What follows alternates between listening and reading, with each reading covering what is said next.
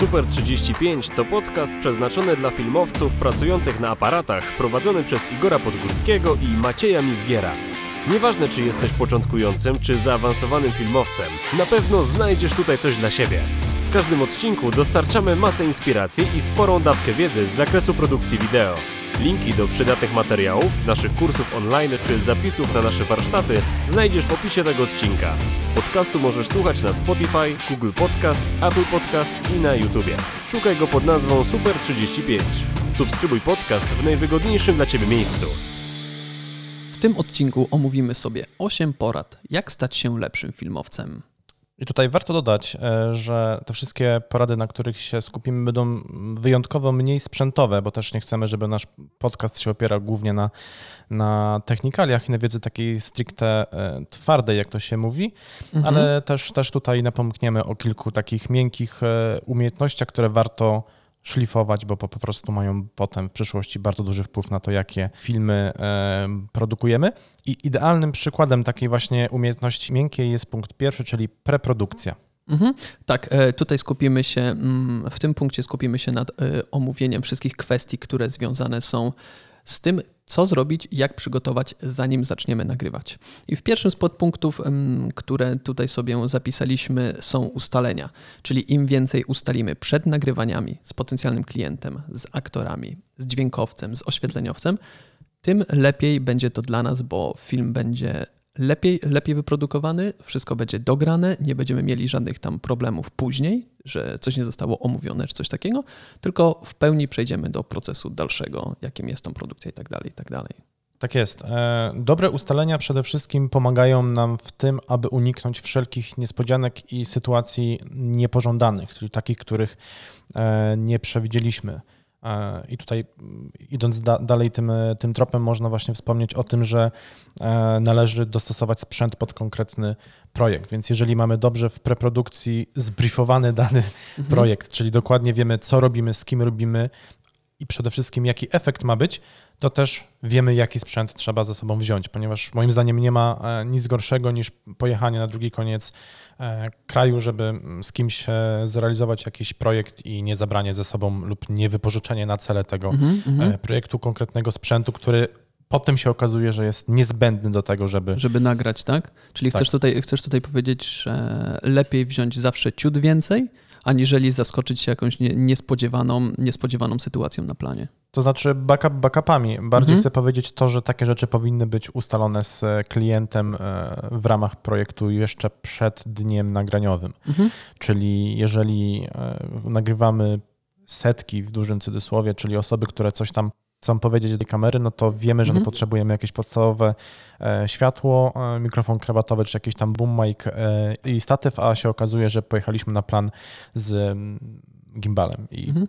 i w sumie potem trzeba stać i go trzymać, nie dość, że to jest w miarę Słyszałem kiedyś taką opowieść no, od ja kogoś, tak, kto ja, tak robił. Ja tak miałem właśnie. I to właśnie wynikało z tego, że klient e, wyszedł poza ustalenia. To mm -hmm, nawet nie mm -hmm. chodzi o to, że to był mój błąd, że tego nie e, ustaliłem, tylko po prostu klient zmienił całkowicie koncepcję. Czyli pewne rzeczy były ustalone, on w trakcie, w trakcie tego nagrania. Znaczy w trakcie, no już byłem na miejscu i wtedy mhm. się dowiedziałem, że jednak to nagrywamy tak, tak i tak, bo mhm. jakby klient sobie z góry założył, że e, będę w stanie to zrobić tak po prostu, bo, bo trzeba pamiętać, że w głowach klientów realizacja projektu filmowego wideo tak dalej, to jest po prostu wciśnięcie braki, wszystko tak, samo nie, się dzieje, nie? Więc nie sobie sprawy. Mhm. ja nauczony tym doświadczeniem zawsze cisnę bardzo mocno, nie? Czyli co robimy, jak robimy, jakie ma być efekty, gdzie, tak dalej, nie? I tutaj z tym gdzie na naszej liście znajduje się taki punkt jak scouting.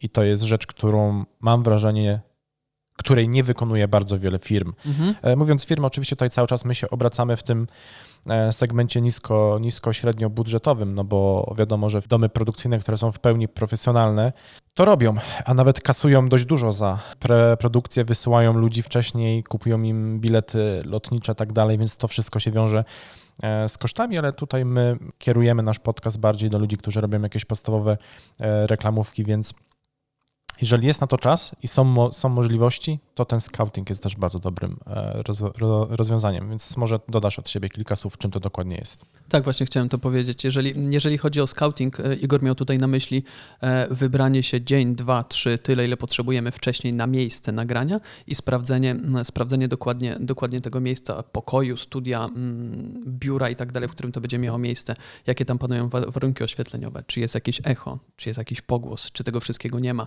w jaki sposób, w jaki sposób e, ustawić oświetlenie, gdzie postawić mikrofony, e, w którym miejscu nagrywać, czy, czy lepiej światło pada akurat z tej strony, czy pada lepiej z tamtej strony, czy nagrywamy w kącie, z tego względu, żeby zmniejszyć jak gdyby ten, mm, ten pogłos, który, który się znajduje, czy jest to duże, czy są tam inni ludzie, no właśnie, bardzo, ponieważ bardzo... mega istotne jest to, że jak klient nam mówi, no my chcemy to nagrać u nas w biurze i przychodzi się, okazuje, że biuro ma 2 na 2, nie?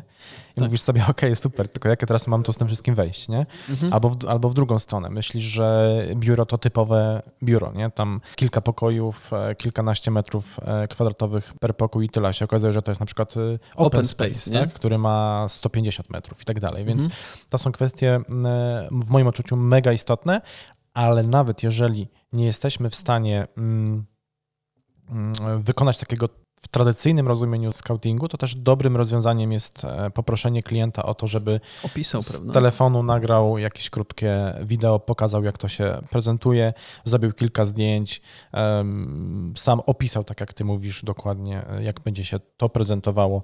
Oczywiście tego typu sprawy trzeba do, też dopasować pod mhm. projekt, bo są sytuacje, w których to jest zbędne, a są takie, które dobry scouting może uratować nam tyłek, jak i cały projekt. No tak, bo, bo niejednokrotnie mm, zostaniemy postawieni przed faktem już, można powiedzieć, że dokonanym i jesteśmy w miejscu, które nie zostało wcześniej sprawdzone i okazuje się, że warunki oświetleniowe są fatalne. My nie wzięliśmy żadnego światła, tak może się zdarzyć. E, warunki nagłośnieniowe również dają, mm, pozostawiają wiele do życzenia, a mamy tylko jeden mikrofon, który zbierze też pogłos zupełnie, który, mm, który śmiga po biurze. I w tej sytuacji, w tej sytuacji może to spowodować, że nasze nagranie jednak nie będzie, nie będzie jednym z lepszych, jakie, jakie wykonaliśmy. Tak, jeszcze tutaj dodam od siebie, że jeżeli chodzi o branżę ślubną, bo jestem przekonany, że w sumie nawet większość osób, która zajmuje się wideo i nas słucha, to są filmowcy ślubni, to kwestie preprodukcyjne omówiliśmy bardzo konkretnie, punkt po punkcie szczegółowo w odcinku o tym, e, jak nagrać film ślubny, więc wszystkich ślubniaków e, odsyłamy do tego mhm. odcinka, bo tak jak właśnie w tym odcinku mówiliśmy, ustalenia z parą młodą przed samym ślubem też są mega ważne, no bo pozwalają nam właśnie uniknąć tych nieprzyjemności związanych z niezrozumieniem się. Mhm. E, jeszcze tutaj mam do dodania taką bardzo, bardzo podstawową, prostą sprawę, żeby naładować wszystkie baterie po prostu przed, bo to jest punkt, który sprawi, że jesteśmy lepszym filmowcem, dlatego że że będziemy mieli na czym działać i będziemy mogli w ogóle Tak, albo po prostu będziemy w stanie wyprodukować większą liczbę ujęć, więc potem w postprodukcji, w tej selekcji będzie z czego brać. No bo e, jednak moim zdaniem cechą dobrego e, filmowca jest to, że nagrywa bardzo dużo e, różnych ujęć w różnych ekspozycjach, z różnych kątów, na różnych ogniskowych, dzięki czemu jest potem w stanie w montażu sobie wyselekcjonować takie ujęcia, żeby przedstawić tę historię e, i, i, ten film w możliwie najlepszy sposób, jaki tylko się da. A w przypadku, kiedy zamiast trzech naładowanych e, baterii, które powinny nam w teorii starczyć na cały dzień, mamy jedną, tak, to tak. musimy to jeszcze... się ograniczać i cały dzień jest w stresie, a stres też powoduje to, że popełniamy jakieś ludzkie, podstawowe błędy, a więc e, taka prosta rzecz może sprawić, że wcale się nie staniemy lepszym filmowcem. Tak, także pamiętamy o tych bateriach, ładujemy baterie do wszystkiego. Pamiętajmy, że jeżeli idziemy na jakieś zlecenie, to nie tylko mamy ze sobą aparat, kamerę, ale także i oświetlenie, i dźwięki, i tak dalej, i tak dalej. Także o tych bateriach również pamiętajmy, bo naładowanie baterii w, w aparacie i, i czy tam kamerze, w zależności czym kręcimy, nie jest jedyną, jedyną rzeczą, jaką warto zrobić. Tak, bo jeżeli pracujemy na przykład na audio, audiorejestratorze, na którym nagrywamy e, dźwięk do naszych filmów, okazuje się, że nie działa, bo bateria jest rozładowana i tak mhm. tak naprawdę pozostaje nam praca na wbudowanym e, mikrofonie w sprzęt nagrywający typu aparat. Kamera, no to jakość tego dźwięku będzie wręcz no, Omówimy jeszcze to ciut dalej, jeżeli chodzi o to audio. Każdy jest sobie w stanie teraz e, dopowiedzieć, jaka będzie, a No. Następnym punktem, który, który tutaj mamy zapisane na naszej liście, jest nic innego jak znajomość własnego sprzętu. Mamy tutaj na myśli to, aby w pełni wymasterować. Mówię tutaj o tym, aby w pełni poznać swoją, swój aparat, swoją kamerę, zanim, zanim gdziekolwiek się pojawimy, żebyśmy w locie byli w stanie zmienić wszystkie e, kluczowe parametry nagrywania. Czy to jest dźwięk, podgłośnienie, czy to jest ISO, czy to jest e, przysłona, cokolwiek, żebyśmy byli w stanie zrobić to szybko, żeby żadna sytuacja nas nie zaskoczyła, czyli zaczyna robić się ciemno, zaczyna się robić głośniej, zaczyna robić się ciszej, cokolwiek, żebyśmy byli w stanie zmienić to w locie.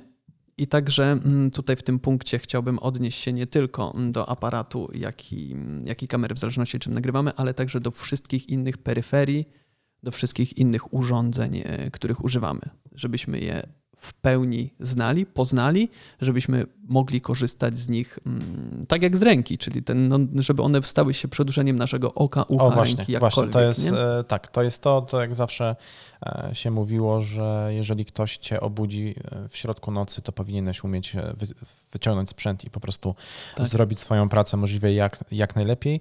Tutaj to oczywiście też nie, nie dotyczy tylko sprzętu, na którym my posiadamy, ale ogólnie sprzętu, na którym pracujemy, czyli po prostu nawet jeżeli korzystamy z ofert firm wypożyczających, wypożyczających sprzęt, e, czyli z tak zwanych rentali, rentali to to też, żeby się decydować na sprzęt, który w jakimś stopniu się zna.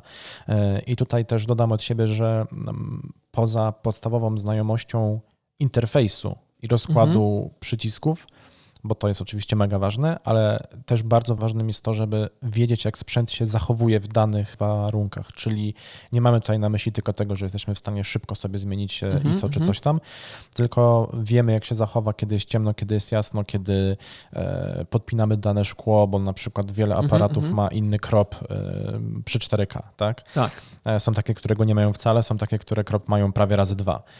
Więc. E, De facto kadr nam się może cały zmienić. To, jeżeli... Tak, kompletnie, nie?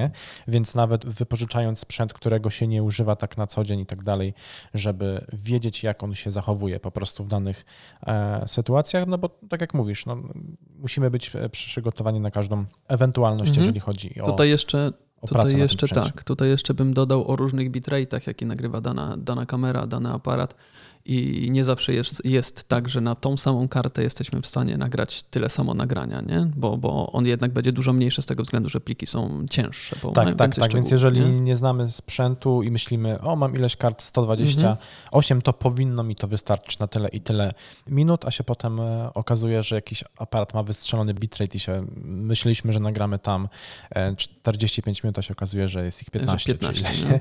Więc to tak może nam totalnie zniszczyć tak naprawdę cały e, cały dzień, e, dzień nagraniowy. Idealnym przykładem tutaj jest na przykład, przykładem na przykład mhm. jest e, GH5, nie? no bo to jest aparat, który mm, na normalnej karcie UHS-1 e, mamy, możemy ustawić 4K w 150 megabitach, mhm. ale już do nagrania 4K w 400 megabitach, czyli trzy razy tyle, ponad tak. potrzebujemy już UHS-2, nie? I wiadomo, że też, tak jak ty mówisz, e, więcej materiału nagramy na tych 150 megabitach, a mhm. na takiej samej e, pojemności, a 400 megabitów jednak będzie dużo będzie mniej. Dużo mniej, nie? I możemy być tak, e, możemy być w sytuacji, w której wypożyczamy sobie taką 3 mm, GH5 na tak, jakiś kart plan. nie wzięliśmy chcemy to nagrać możliwie najlepszej jakości, a się okazuje, że nie mamy w ogóle kart UHS-2. Hmm. O, to, to już jest w ogóle nie, taka sytuacja. Tak, nie tak. przygotowaliśmy, mhm. nie? więc to też... Czyli nie e, zrobiliśmy tego wstępnego researchu, jaka kamera, co posiada i tak, tak dalej, i tak dalej. Nie wypożyczyliśmy jej albo wcześniej, albo nie zaznajomiliśmy się chociaż um, z możliwościami tej kamery. I tutaj chciałbym niezwykle fajną ciekawostkę jako ciekawostkę podać, z tego względu, że raczej jest to poza kręgiem naszym zainteresowań. Firma Ari, która mm, robi jedne, no chyba z najlepszych kamer na świecie, na swojej stronie internetowej ma wyszczególnioną każdą z kamer i można sobie wejść i pogrzebać w niej menu. Dokładnie jest takie samo menu, jak jest Genialne. w kamerze. Są te same Genialne. przyciski. Można się przygotować przed planem. Otóż super. właśnie to mówię, super, bo, bo jak wiadomo, mm, Ari ma w swojej ofercie kamery takie, które można tylko i wyłącznie wypożyczyć. Nie da się ich kupić. Chociaż tych kamer też jest teraz coraz, no, coraz mniej, bo już jednak mm, wszystkim zależy na sprzedaży. Firma Red jeszcze do niedawna miała też taką kamerę, którą można tylko wypożyczyć. Ale wracając, Na stronie ARI przed wypożyczeniem jesteśmy w stanie sobie wejść, poznać całe menu, czyli nie musimy de facto wypożyczać 2-3 dni wcześniej kamery po to, żeby ją dobrze poznać, tylko wchodzimy sobie na stronę i tam wszystko grzebiemy, idziemy do rentala, wypożyczamy kamerę, jesteśmy zrobieni na idealnie. Że tak mega, powiem. mega. Tym bardziej trzeba brać pod uwagę, że Tak. wypożyczenie kamery ARI na jedną dobę e, bardzo często kosztuje tyle samo lub nawet więcej niż my aparaciarze biorą za cały projekt, nie? Tak, tak. Więc- Także, Więc to jest, to jest i podejrzewam, że właśnie taki, że taki właśnie jest tego cel, nie? mhm, tak, tak, na pewno to chodzi właśnie po to, żeby się zaznajomić ze sprzętem i nie musieć niepotrzebnie wypożyczać go na dłużej. Chociaż dla firmy to powinno też być na plus, nie? Tak jest. E, Punkt pierwszy, preprodukcja, punkt drugi, znajomość sprzętu, na którym się pracuje. Przechodzimy do punktu numer trzy, e, czyli nasza e, porada numer trzy, inspirowanie się i nauka.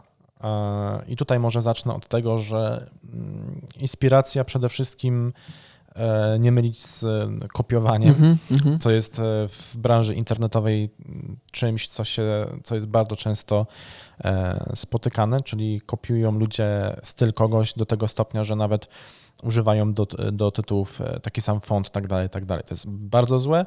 Odradzamy to i to wręcz po prostu jest taki miecz obusieczny, Obusieczny, który tak. może się obrócić na naszą e, niekorzyść, ale ogólnie oglądanie produkcji osób, które są dla nas autorytetem w jakimś stopniu, e, jest dobre, bo po prostu e, opatrzenie się konkretnych ujęć, kompozycji, Mhm. e, kolorystyk i tak dalej sprawia, że wyrabiamy sobie jakiś sensowny gust, nie? Czyli tych poszczególnych, poszczególnych em, etapów, poszczególnych smaczków powyciąganych z produkcji, ze stylu kogoś innego, żeby zaimplementować w swój i dzięki temu znowu wskoczyć na wyższy poziom, nie? Tak, opakować to oczywiście w swoim stylem i tak dalej, ale e, inspiracja jest zawsze, jest zawsze dobra. Nie? Tutaj użyłem słowa gust, ale tutaj Mhm. też zaraz e, przejdziemy do tego, no bo też opieranie się na, się na guście nie jest e, do końca, do końca dobre, ale to, to będzie za, za jakiś tam czas do tego będziemy Mhm.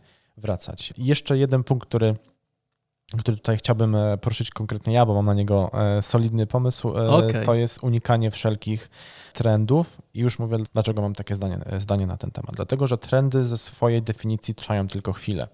Jeżeli produkujemy filmy komercyjne lub ślubne i opakujemy je, po prostu wypchamy w nich e, je w tym, sumie, mhm. E, cała produkcja będzie oparta na trendach, które są modne w, danym, w danej chwili, to trzeba brać pod uwagę, że za dwa lata ten film będzie ociekał kiczem. E, I tutaj mam na myśli, mogę podać konkretne e, przykłady. Swojego czasu bardzo trendowały i były modne zoom transitions, czyli te Mhm. wszystkie przejścia niewyprodukowane podczas produkcji, tylko potem ponakładane w postprodukcji. To dla niektórych było całkiem fajne przez chwilę, a dzisiaj wszyscy mają tego dosyć i wręcz można powiedzieć, że film wypchany tego typu ujęciami po prostu trąci taką taniochą Mhm. i, i, i Tak, ja, No. ja, ja od siebie tutaj dodam, że mm, to nie jest jak gdyby aż tak złe, też nie można tego myśleć, bo dla mnie inspirowanie się trendami albo używanie trendów w kawałkach filmów, używanie ich z głową, wsadzanie ich troszeczkę, mamy film zrobiony powiedzmy 3-minutowy, no to niech tych ujęć takich można powiedzieć trendowych, niech tych zoom, zoom tych, o których powiedziałeś, zoom transition, niech będzie tam parę sekund, żeby to po prostu było zaimplementowane, że nam się to podobało w tej chwili, tak to było, ale żeby nie cały film był tym, tym napakowany, bo Tak, tak, tak, niestety jest taki problem, że jak już coś jest fajne, to wszyscy robią już taki film, który można powiedzieć jest przerzucany prawo, lewo, lewo, prawo, góra, dół i tak dalej. Przede wszystkim opieranie się na trendach zabija kreatywność i własny styl, czyli nasze filmy po pierwsze niczym się nie wyróżniają, nie są y, nasze jako twórców, bo po prostu są oparte na, na trendzie, a po drugie są pewne schematy, które będą dobrze się prezentowały na zawsze, czyli zawsze twarde cięcie, e, normalny hardcut zawsze będzie klasyczny, Właśnie chciałem powiedzieć, że do, do klasyki trzeba. tak, tak samo jak e, zawsze dobrze będzie się prezentował e, garnitur, który jest prosty. E, nie- Nieważne czy dzisiaj, czy za, czy za 100 lat, e, a, a e, no te wszystkie cięcia, przejścia, tak dalej, no jednak się zdezaktualizują bardzo mocno tam za, Mhm. za te parę lat, tak, a za- za- zwykłe, twarde cięcie będzie, było, jest i będzie, nie? Najlepsze, tak jak właśnie mówisz, bo, bo, bo za rok, za pół nie wiadomo kiedy znowu wejdzie nowy trend i znowu, znowu będzie coś nowego, nie? A jeszcze można podać bardzo dobry przykład. Branża ślubna, robimy komuś film, napakujemy go tym kiczem i on po prostu za trzy lata, jak ktoś go odpali, to powie Jezu Chryste. Tak, tak. Ja idealnie ten sam przykład. Co to, co to jest? Idealnie ten sam przykład słyszałem podczas doboru garnituru właśnie na ślub, że na chwilę obecną chcemy, żeby ten garnitur był jakiś tam krótszy w kratkę, muszki drewniane, czy jakieś inne, inne wygibasy i za 5 lat czy 10 weź sobie wyobraź, jak, jak twoje dzieci czy, czy kogokolwiek dzieci włączą sobie ten film, albo znajomi, jacyś inni, dalsza rodzina włączy film, a ty jesteś w za krótkich spodniach do kostek, nie masz, nie masz na przykład e, skarpet pod tym, spodnie są tak opięte, że wyglądają jak leginsy i tak dalej, i tak dalej. No, no nie będzie to wyglądało. Także tutaj ten przykład idealny jest mm, do tego, żeby no, tych trendów jednak nie unikać, stosować ich troszeczkę, ale też no, tylko i wyłącznie tą troszkę, nie?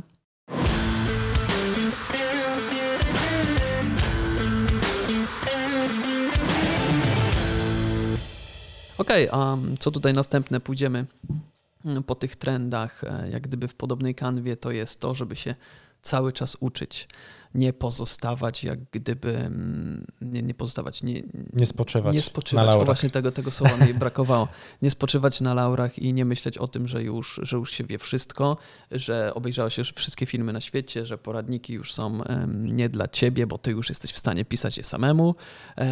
Jak gdyby zainspirowałeś się tym, co mogłeś, już masz swój styl i nie, nie, nie potrzebujesz się już nic uczyć. No, naprawdę jest taka, że nic bardziej mylnego, nie? Bo jeżeli spojrzysz na przykład na, na własne produkcje sprzed, sprzed jakiegoś tam czasu, na tym, co masz teraz i tak dalej, będziesz widział przeskok, pójdziesz w tym coraz dalej, będziesz no, oglądał te, te filmy innych ludzi, inspirował się tym wszystkim, to jesteś w stanie mm, finalnie po jakimś czasie robić coraz lepsze i lepsze i lepsze i lepsze rzeczy. Dlatego ja tutaj ze swojego doświadczenia mm, powiem, że na pewno nie warto, nie warto spoczywać na laurach, tak jak ty wcześniej powiedziałem. Tak jest. Tutaj Mm, występuje takie e, występuje taka rzecz, która nazywa się efektem Dunninga-Krugera i to polega na tym, że im człowiek więcej wie, tym wie, że wie mniej. Mhm. Czyli e, im więcej czegoś się umie w jakiejś konkretnej e, branży, technice i tak dalej, tym sobie zdajesz sprawę, że masz jeszcze wiele rzeczy przed sobą. Nie? Tak, w sensie jeszcze bardzo wiele musisz zadajesz, trzeba na pewno dobrze tak dalej. się mhm. nauczyć. I tutaj to jest rzecz, którą ja bardzo często obserwuję na grupach. To jest y, osoby, które są wyraźnie początkujące, mm, zrobią właśnie jakieś wideo oparte na trendach, które wygląda cool, a, a potem w tej dyskusji się okazuje, że e, zachowują się jakby zjadły wszelkie rozumy, a, a widać, że tego doświadczenia tam brakuje i ta osoba, tak jak mówisz, za rok, za dwa spojrzy na, spojrzy na ten film, się e, przeżegna i powie, kurczę, jak ja mogłem taki być, nie? W sensie takim mm, uważam, że pokora jest istotna, i to, żeby ciągle, tak jak mówisz, się rozwijać i e, bo zawsze jest coś, co można zrobić w trochę lepszy e, mhm. sposób. Już nawet tutaj oczywiście się nie, się nie opieramy na sprzęcie, bo wiadomo, że jeżeli się przejdzie z jakiegoś taniego e, aparatu na kamerę z segmentu Pro, no to wiadomo, że skok będzie bardzo nie? Tak, tak, e, tak. widoczny, tak. ale tu raczej mówimy o tej właśnie takim bardziej o tej mentalnym podejściu do sprawy, czyli rozwój, rozwój, jeszcze raz e, rozwój. Sposobów na to jest bardzo wiele. Moim zdaniem mm, najskuteczniejszą formą rozwoju jest rozmowa z kimś, kto jest lepszy od nas. Tak, lub, lub też w kwestii, w kwestii wideo ja bym tutaj dodał, że lub oglądanie pracy lepsze, lepszej, która jest od nas. Czyli to, to się... inspirowanie mhm. się tak naprawdę, mhm. o którym nie wcześniej e, mówiliśmy. Inspiracja, nauka, warsztaty, kursy, dyskusja z kimś, e, mhm, mhm. jakby czynny udział przez cały czas, w takim sensie, że żeby żyć tym, e, żeby, żeby po prostu tym żyć. Czym żyć? Najprościej Nie traktować mhm. tego, że robię wideo od 25 lat, Moje doświadczenie jest bardzo e, duże ze względu na staż, mhm. ale za tym stażem nic nie stoi. Ja byłem e, zmuszony, jakiś czas temu robiłem, e, robiłem ten kurs liturgiczny, czyli miałem cały dzień wykładów i na przykład właśnie z, na lekcji z operatorstwa, oczywiście w teorii uczył nas, w dużym cudzysłowie, że nas uczył e, mężczyzna, który od 20 lat pracuje w telewizji jako operator. Nie? I mhm. było widać, że jego podejście jest skostniałe, strasznie, bo mówił tam, popełnił wiele błędów i merytorycznych i też wprowadzał w błąd, mówiąc właśnie, że że coś powinno być tak, a jak naprawdę pracować tak w kościele, jest, że rozstawia jakieś światła, jakieś takie w ogóle, to było mega straszne, nie? W sensie tak dzisiaj się nie robi, ale też ze względu tak dzisiaj się nie robi, ponieważ sprzęt, którym dysponujemy też dzisiaj działa w inny sposób. Kiedyś te matryce były inne, e, optyka była totalnie inna, nie? E, więc, więc e, nawet przy tak podstawowych sprawach to jest po prostu mega ważne. Ja bym skonkludował, skonkludował ten podpunkt jako przekucie buty w pokorę, a co za tym idzie, w następnym podpunkcie omówimy sobie krytykę, którą niejednokrotnie, z którą, którą niejednokrotnie ludzie nam zaserwują i rada jest nasza taka, żeby ją brać na klatę, jak to się mówi mm, kolokwialnie, z tym, że rozróżniać tą krytykę konstruktywną od y, krytyki takiej po części może zazdrościowej albo krytyki typowo zaczepkowej, albo krytyki opartej na guście. I to jest właśnie ten o. moment, o którym chciałem do tego gustu e, wrócić, ponieważ bardzo często się spotykam z tym właśnie, jak czytam e, grupy i komentarze gdzieś e, na Facebooku i w innych tego typu miejscach, że bardzo często widzę, że ktoś pyta, wrzuca swój film, prosi o poradę a no, chyba wiem, co 80% tych porad się opiera na tym, że komuś się coś nie podoba, bo jego, jego zdaniem przefiltrowane przez jego gust i styl jest nie takie. Nie? Więc takiego czegoś oczywiście e, unikamy. Ja bym taką krytykę opartą na guście i na stylu w 100% e, ignorował, w sensie nie brał jej do siebie aż tak mhm. bardzo, ale z kolei brał pod uwagę krytykę e, ekspertką, która dotyczy faktów i spraw technicznych. To mam o, na czyli... myśli podstawowe błędy. Ktoś ci mówi, kto to robi długo i się na tym zna, że w, twoim, w tym filmie na przykład e, skóra głównych bohaterów e, jest e, zbyt zielona lub zbyt, zbyt żółta, no to znaczy, że, że coś jest nie tak, nie? Tak, i, i nie możesz na to odpowiedzieć, słuchaj, stary, ale ja. ja mam taki styl. No właśnie, bo to jest no, po prostu błąd. Jest, jest błąd, nie? Jak, mm, jak do stylu można, można powiedzieć, że twoja skóra jest, e, wchodzi, wchodzi w odcienie zieleni, nie? E, nikt takiej skóry nie chce oglądać, chyba że u jakiegoś gada albo, albo coś takiego. Albo chyba, że, oglądamy e, film Matrix, w którym to założenie Jeszcze Hulk. jest odczuwalne w którym to założenie jest odczuwalne, no bo tam widzimy, że jak oni są w Matrixie, to wszystko idzie w zieleń, a jak są w świecie tym normalnym, tak, tak, tak. to e, te kolory są takie jak trzeba, zwró- więc to widać, że ten film został stworzony tak, bo tak miało być, bo to mhm. miało być rozróżnienie tych dwóch miejsc, a, tak. mhm. a mówimy tutaj na przykład, e, gdzie para młoda bierze ślub, kurde, i tak jak mówisz, no wygląda to po prostu źle, nie? A w tym przykładzie jeszcze tutaj do Matrixa chciałbym jednak mm, nawiązać y, to, że te kolory, jak gdyby, tak jak mówisz, wchodzą w zielony i tak dalej, aczkolwiek ta skóra jest nadal, można powiedzieć, taką bardziej skórą, tylko troszeczkę nacechowana, nie? czyli nie ma takiego przerysowania przerysowania tego koloru, że widzimy, że on jest mocno nienaturalny i mm, aż, naszkuje, aż nas kuje w oko, bo kolory skóry to są takie kolory, które każdy z nas odróżnia od razu. jeżeli jest coś z nimi nie tak, to od razu to widzi. Od razu się to widzi. No. I to był taki przykład mocno skrajny, bo oczywiście tego jest bardzo dużo, ale w każdym razie przyjmowanie eksperckiej krytyki, e, że ktoś ci mówi, słuchaj, nagrałeś to źle, bo i ci mówi e, oparte na coś na faktach, czyli że e, zgodnie ze sztuką tak tego się nie e, robi. Oczywiście wiem, że film to sztuka, mhm. e, są Każdy artyści, którzy mhm. łamią pewne zasady celowo, tak dalej, tak dalej. To jest oczywiście mega jasne. Ale są sytuacje, w których no, oddajemy film komercyjny i jeżeli posiada on duże błędy, to trzeba to przyjąć na klatę i po prostu coś z tym zrobić w przyszłości, a nie, nie zachowywać się tak, że a, to jest mój film, tak miało być, mimo że bardzo dużo osób tak mówi, że tak miało być. Gdzieś tam z tyłu głowy wie, że to jest błąd i co ty tam wiesz, nie? O, tak, tak. Czyli, czyli mm, żeby łamać schematy, najpierw poznajmy schematy, nauczmy się ich, o, ten, a później dopiero dobra, można je sobie naginać. To jest dobra e, puenta, którym możemy zakończyć ten punkt. I kolejną naszą poradą, już czwartą, czyli jesteśmy w połowie, jest podejmowanie się różnych projektów. I teraz tutaj jako różnych mamy na myśli różnych tematycznie, czyli dla przykładu śluby, reklamy, filmy korporacyjne, dokumenty itd. Tak itd. Tak, tak, i tutaj ja bym chciał, chciał powiedzieć, że podejmujmy, podejmujmy wszystkie wyzwania, jakie stawiają przed nami klienci, czyli jak gdyby nie fokusujmy się tylko i wyłącznie na jednej, na jednej pracy wideo, czyli że róbmy tylko śluby albo róbmy tylko reklamy, firmy, filmy korporacyjne czy jakiekolwiek inne dokumenty, ale też sprawiajmy naszą pracą to, że będziemy się też uczyć. Czyli jeżeli e, robimy na przykład e, śluby, w ślubach jest fajnie to, że mm, niejednokrotnie pewnych sytuacji nie jesteśmy w stanie przewidzieć.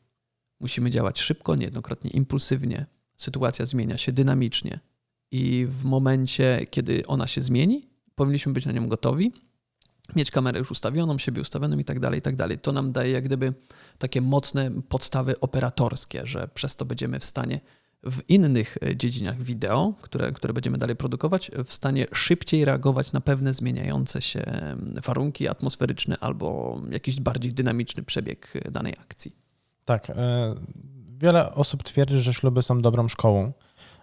Szkołą życia i, i to jest moim zdaniem też. Ja się z tym zgadzam, dlatego że właśnie jeżeli przejdziemy przez kilkadziesiąt ślubów, to potem jest mało sytuacji, w której coś nas e, zaskoczy, bo mhm. z przyzwyczajenia będziemy właśnie, tak jak mówisz, będziemy gotowi. gotowi. Będziemy mieli e, backupy audio, będziemy mieli zawsze e, baterie naładowane i tak dalej. Tutaj też oczywiście nie namawiamy do tego, aby tworzyć sobie firmę, która będzie robiła miszmasz, czyli mhm. i wszystko i nic. Jednak ta specjalizacja w komunikacji marketingowej jest mega ważna, ale uważam, że drogę różnorodności trzeba przejść. Właśnie po pierwsze, żeby się mm, wytrenować, że tak mhm, to ujmę, mhm. a druga jest taka e, rzecz, która też moim zdaniem jest bardzo istotna, żeby znaleźć, e, znaleźć coś, w czym dobrze będziemy się czuli. Bo e, no nie ma nic gorszego niż robienie na co dzień czegoś, czego się nie lubi, nie? Tak, czyli tutaj, czyli tutaj na przykład, jeżeli, jeżeli lubimy kręcić na przykład jakieś eventy sportowe, to już e, róbmy te eventy sportowe, jeżeli to nam sprawia I największą w tym frajdę. mega dobrze, nie? Otóż to właśnie chciałem do tego dojść, że jak już to robimy, to bądźmy w tym najlepsi jak tylko, najlepsi jak tylko się da, a nie bądźmy jakimiś tam przecie, przeciętnikami, czyli, czyli mm, robimy na mm, sytuację, gdzie, kiedy no nie jest wszystko najlepiej, a i tak i tak idziemy dalej, dalej, dalej, byleby było, klepiemy ręką, nie? I tutaj znów wracam do ślubów. Jest wielu e, filmowców, którzy nie cierpią tego robić, ale to robią, bo właśnie wpadli w tą taką nie wiem nawet jak to ująć. Pułapkę, taki... Mm, o, gdyby, tak, tak, tak, tak. Pułapkę tej codziennej rutyny. O, jest im po prostu już łatwo. E, troszeczkę. Znają temat, jest z tego jakiś tam hajsik i tak dalej. I troszeczkę prostu... na, na laurach już osiedli, i, bo, bo są w tym dobrzy, ludzie ich lubią i tak dalej, i tak dalej, a, a nie sprawia im to przyjemności, bo zupełnie inną kwestią, kiedy im to sprawia przyjemność, to wtedy no nie można tak, się tak, jak gdyby tak. do tematu przyczepić. Nie? A gdyby mm, przepracowali różne rodzaje produkcyjne, no to mogłoby się okazać, że na przykład super się czują w eventach, nie? super się czują w mikrodokumentach, tak dalej, tak dalej. Mhm. I, i, I, że faktycznie będą nie dość, że lubić to co, to, co robią, to jeszcze będą w tym bardzo, bardzo dobrzy. I tym akcentem zamykamy poradę numer 4 i przechodzimy do piątej porady, którą nazwaliśmy audio, audio, audio czyli, czyli przede, wszystkim, przede wszystkim audio, a w naszej, w naszej opinii jest to, żeby zainwestować na pewno już od samego początku e, w lepsze audio. Tutaj mamy na myśli audiorejestrator, um, bo nawet jeden z tańszych audiorejestratorów jest lepszy niż to, co nam jest w stanie zaoferować, zaoferować um, aparat. Tak jest. E, I za audiorejestratorem oczywiście kolejnym krokiem jest mikrofon. E, tak, oczywiście, bo mikrofon jak gdyby tutaj pominąłem w tej sytuacji, tak. Tak, tak, bo tutaj mówimy, tutaj mamy bardziej na myśli to, że audiorejestrator jako narzędzie rejestrujące mhm, audio, mhm. a nie nagrywające je w sposób e, bezpośredni. Czyli... Tak, bo, mhm, bo również, również, w, również w audiorejestratorze da się nagrywać, da się nagrywać dźwięk, ale te mikrofony, które się tam znajdują, oczywiście mówimy w tych audiorejestratorach z niższej ciut półeczki, mhm. e, które się tam znajdują, nie są jednak najlepsze, a mikrofon, który kupimy i który już jest stricte mikrofonem i służy do tego, żeby był mikrofonem i jak go podłączymy do takiego audio rejestratora, jest na, pewnie, na pewno jakość dużo, dużo lepsza niż jakbyśmy podłączyli go pod y, po prostu wejście jack w aparacie. Tak jest, czyli tutaj trzymamy się tej podstawowej e, zasady, że najpiękniejszy film e, nie za wiele nam daje, jeżeli mm, audio w tym filmie po prostu jest złe. Mhm. Więc żeby podchodzić do tematu audio równie, w sposób równie, e, żeby je traktować w sposób równie ważny jak, jak wideo, czyli jeżeli jesteśmy w stanie czego bardzo często nie rozumiem,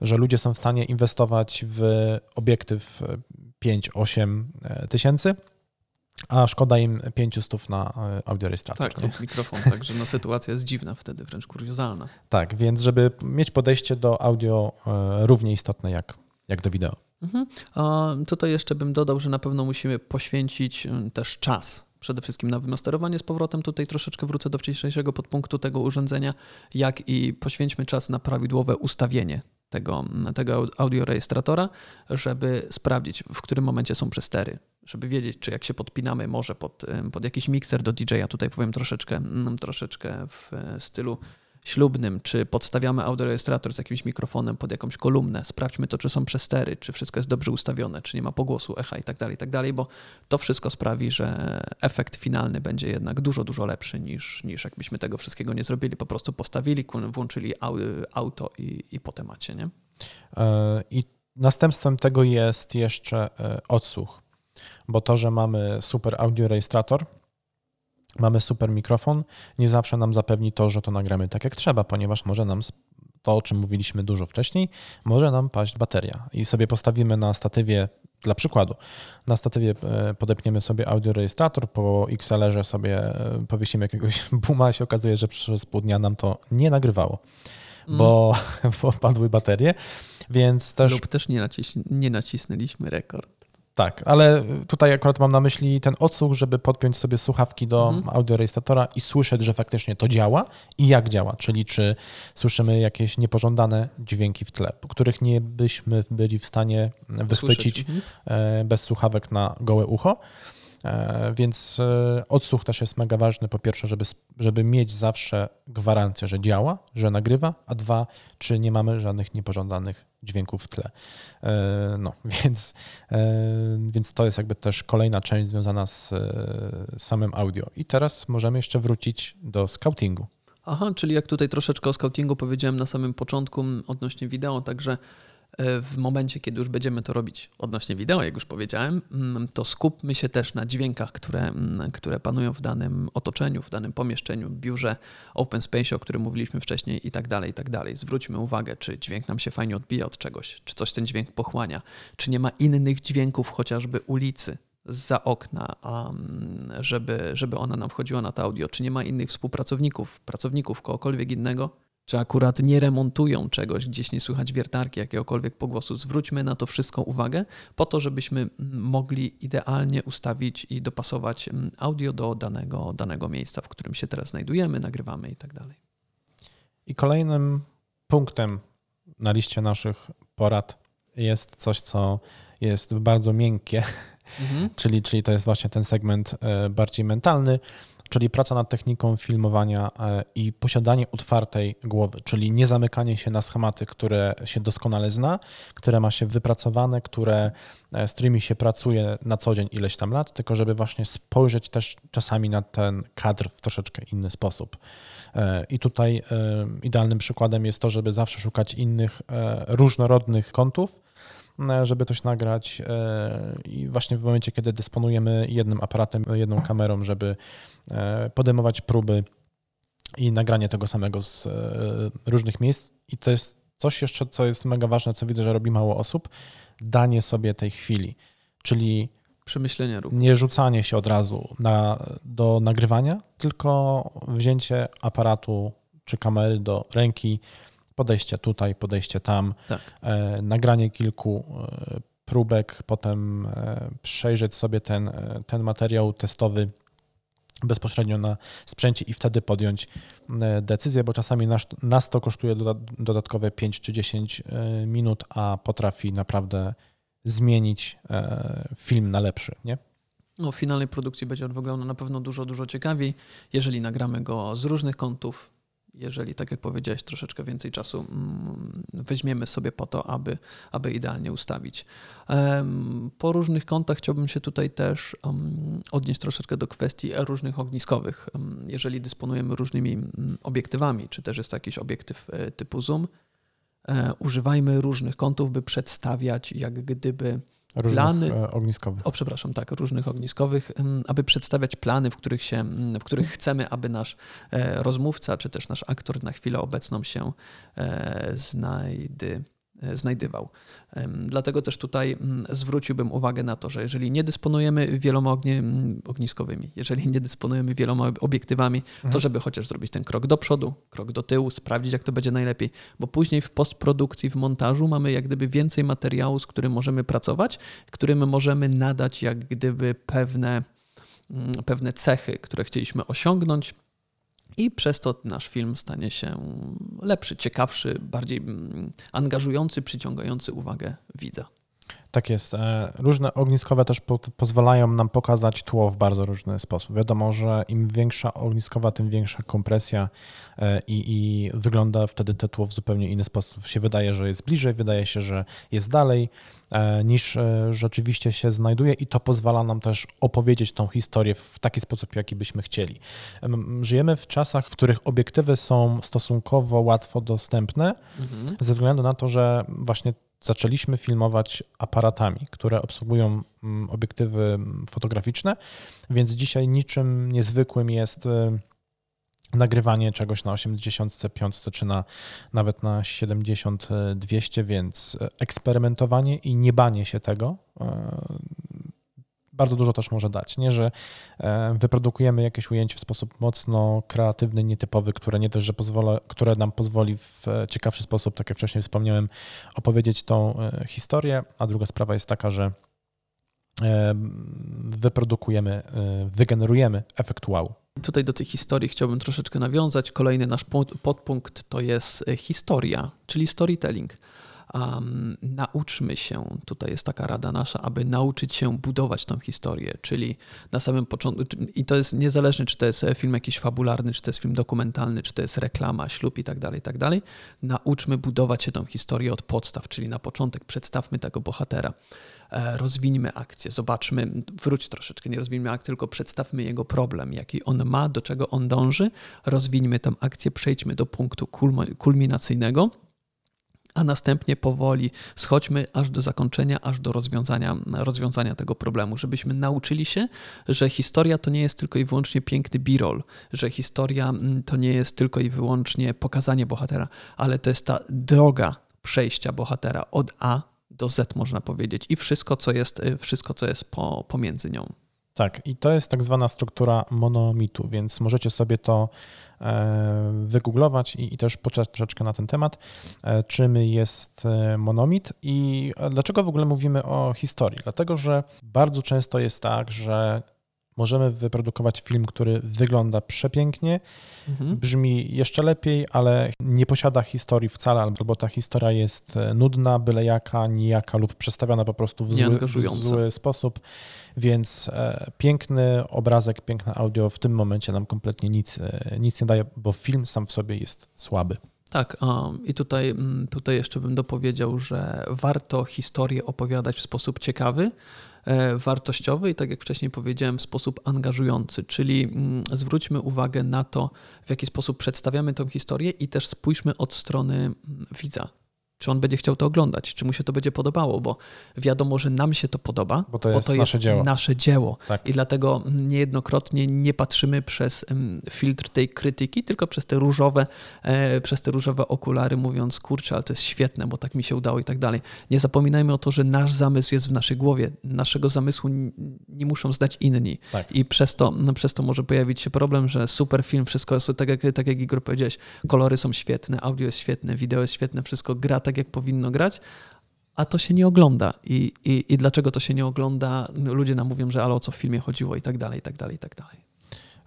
Idealnym przykładem są vlogerzy, którzy bardzo często robią produkcyjnie wideo y, po prostu kiepskie, ale potrafią opowiedzieć e, historię w taki sposób, że po prostu cię to wciąga i jakby aspekt techniczny, produkcyjny całkowicie znika, jest odstawiany odstawiany jest na bok i tutaj e, zgadzam się z Tobą w tym, co powiedziałeś, że e, nikt nie wie, jakie są założenia i że trzeba podchodzić e, krytycznie. Dobrym rozwiązaniem przed publikacją jest po prostu pokazać to kilku osobom, nie naprowadzając je na nic, nie? czyli tak. mhm. nie mówiąc, jaki chciał osiągnąć efekt i niech taki testowy widz po prostu sam, sam do tego dojdzie. I niech nam na końcu jeszcze opowie to wszystko, no tak, nie? Czy tak. co, co wyniósł z filmu, co mu się podobało, czy, czy i tak dalej, i tak dalej, żeby to nie było ta, taka sytuacja, że nam tylko, no fajny. I koniec, nie? Ole ci się udało, albo ale ci się nie udało. Także Tak, starajmy tak, się tak, tak, zadawać tak. też mądrze, mądrze pytania później, nie? Czy e, zauważył to, czy zauważył tamto, albo opowiedz mi proszę o tym, opowiedz mi proszę o tamtym i tak dalej, i tak dalej, nie? A w przypadku filmów typowo komercyjnych, czyli jakieś tam reklamówki, e, filmy korporacyjne i tak dalej, to e, zawsze przy współpracy z działem marketingu, czy po prostu z osobą, która nam e, zleca taki film, należy opracować cel. Czyli zawsze przy kreacji e, marketingowej, niezależnie jak Mhm. ona by była, czy to jest grafika, tekst, e, film, czy audio, tak dalej, wychodzimy od celu, czyli ustalić podczas tej preprodukcji, o której mówiliśmy wcześniej z klientem, jaki jest cel tego filmu. I ty, Mhm. jako specjalista, jeżeli nie jesteś e, częścią ogromnej ekipy, jesteś odpowiedzialny od tego, od, tylko załóżmy od czegoś tam, tylko jesteś małą. Oddawania cienia aktorowi. Tak, tylko jesteś małą e, firmą, która jednak robi wszystko od A do Z, no to e, też daj tą wartość swojemu klientowi, czyli przeprowadź konsultację, powiedz jak ty to widzisz, tak dalej, mając na uwadze to, jaki cel chce osiągnąć klient, bo to może być cel e, wizerunkowy, cel sprzedażowy, Mhm. e, komunikacyjny i tak dalej. Okej, a mm, następnym punktem i w sumie już ostatnim, którym chcielibyśmy tutaj poruszyć, Czyli porada numer 8, 8, porada e, ostatnia. tak, e, jest montaż, korekcja koloru, e, kolorów i, i koloryzacja. A tutaj chciałbym dodać e, to, że abyśmy program, który obsługiwali, opanowali do perfekcji, wiedzieli w jaki sposób możemy poprawić w postprodukcji ujęcia, które mm, nie zostały nagrane w sposób prawidłowy podczas produkcji, produkcji materiału i żebyśmy wiedzieli, jakich technik, jakich funkcji danego programu użyć, ażebyśmy mogli coś poprawić, poprawić w filmie, w którym chcemy stworzyć. I to w sumie nawet nie poprawić, bo oczywiście e, powiedzonko, że e, fix in the post to jest e, Mhm, mhm. w branży to jest standard i, i to też właśnie nam otwiera dodatkowe drzwi i to jest mega fajne, że jesteśmy w stanie niektóre rzeczy poprawić faktycznie w tej postprodukcji, ale no to już tylko wynika z tego, że daliśmy ciała na etapie mm, produkcyjnym, ale ta druga strona jest taka, że jeżeli dobrze znamy swój program, znamy jego możliwości i też podchodzimy do postprodukcji w sposób e, kreatywny, to jesteśmy w stanie sprawić, że coś będzie się prezentowało jeszcze lepiej. Mhm. Czyli nawet jeżeli na poziomie produkcyjnym coś wyprodukowaliśmy poprawnie, to możemy sprawić, że to będzie wyglądało jeszcze lepiej po prostu w e, tej postprodukcji. Czyli na przykład e, użyć stabilizacji w programie mm, do montażu, nadać odpowiedniego takiego vibe'u i flow e, właśnie przy odpowiednim montażu, czy, Mhm. czy, czy, czy przy kolorach, tak dalej, tak dalej. Nie? I tutaj też się cofniemy te kilka kroków i wrócimy do historii, czyli to, że to, jak się prezentuje wizualnie, kolorystycznie sam film, ma też gigantyczny wpływ na to, czy dane ujęcie lub sekwencja, scena jest w stanie e, opowiedzieć część tej historii, którą chcemy my jako twórca e, opowiedzieć poprzez ten film. Nie? Czyli jeżeli są kolory e, zimne i jest ciemno, to wtedy nasz widz to odczuwa w zupełnie inny sposób niż jeżeli są nasycone i Mhm, mhm. są ciepłe. Nie? Tak, czyli, czyli Igor chce tutaj powiedzieć, abyśmy opowiadali też historię poprzez, y, poprzez kolory, które... I przez montaż też, nie? Tak, czyli, czyli, czyli przez, nas monta- przez nasz montaż możemy jak gdyby zmienić trochę mm, odbieranie tego naszego, tego naszego filmu przez, przez naszego odbiorcę, czyli tak jak wcześniej powiedziałeś, jakieś takie e, bardziej ciemne ujęcia, ciemniejsze i tak dalej możemy sprawić, mm, a raczej sprawią to, że e, widz będzie odbierał daną, daną sytuację jako bardziej smutniejszą, albo na przykład jasne kolory i tak dalej, jako, jako sytuację bardziej weselszą. Nie? Także tutaj mm, pamiętajmy o tym, że montażem jesteśmy w stanie bardzo dużo zmienić w filmie, nadać mu unikatowy, unikatowy charakter, a także spowodować to, że będzie on w taki, a nie inny sposób odbierany przez naszego widza. Czyli podejście do montażu e, i ogólnie do programu e, do montażu i programu do e, postprodukcji, właśnie wykorzystując te swoje możliwości twarde, czyli znam program, wiem co umie i wiem co jestem w stanie na nim wykonać i połączyć to z umiejętnościami miękkimi, czyli jak opowiedzieć historię przez montaż. E, I oczywiście nie tylko przez montaż, tylko przez ogólnie całą postprodukcję. Czyli nie podchodzimy do montażu w sposób e, taki, że połączę ze sobą kilka klocków, jest Tak. film, nałożę na to lód i Jest już, czyli Elo? nawrzucam, nawrzucam po prostu te klocki, Tak, historia tak, sama tak. się opowie, po prostu przedstawię od początku mojego nagrywania do końca mojego nagrywania i to na pewno będzie git, nie? Tak, tak. Dlatego e, to, co mi się podoba w naszej branży, w szeroko rozumianej branży, e, ja to nazywam niskobudżetowego wideo, jest to, że ludzie, orkiestry, czyli tacy, Mhm. którzy sami nagrywają, sami rozmawiają z e, klientem, czyli znają jego potrzeby, e, sami montujący, sprzedający tą e, usługę, tak dalej, tak dalej, to nam daje właśnie te możliwości, że możemy my jako twórca wypracować swój styl. Bo nagrywając, już wiemy, co chcemy mniej więcej zrobić w mhm. tej postprodukcji, montażu, tak dalej, tak dalej. I to nam daje mm, ogromne możliwości nie dość, że rozwoju, to jeszcze rozwoju nie tylko nas jako twórców, tylko też rozwoju samego rynku. Bo konkurencja też sprawia to, że ten rynek się napędza, nie? Mhm. I jesteśmy w stanie też e, jako czy freelancerzy, czy jako mikrostudia produkcyjne, tak zwane domy, domy produkcyjne, jesteśmy w stanie też wypracować tą przewagę konkurencyjną, co moim zdaniem jest mega ważne.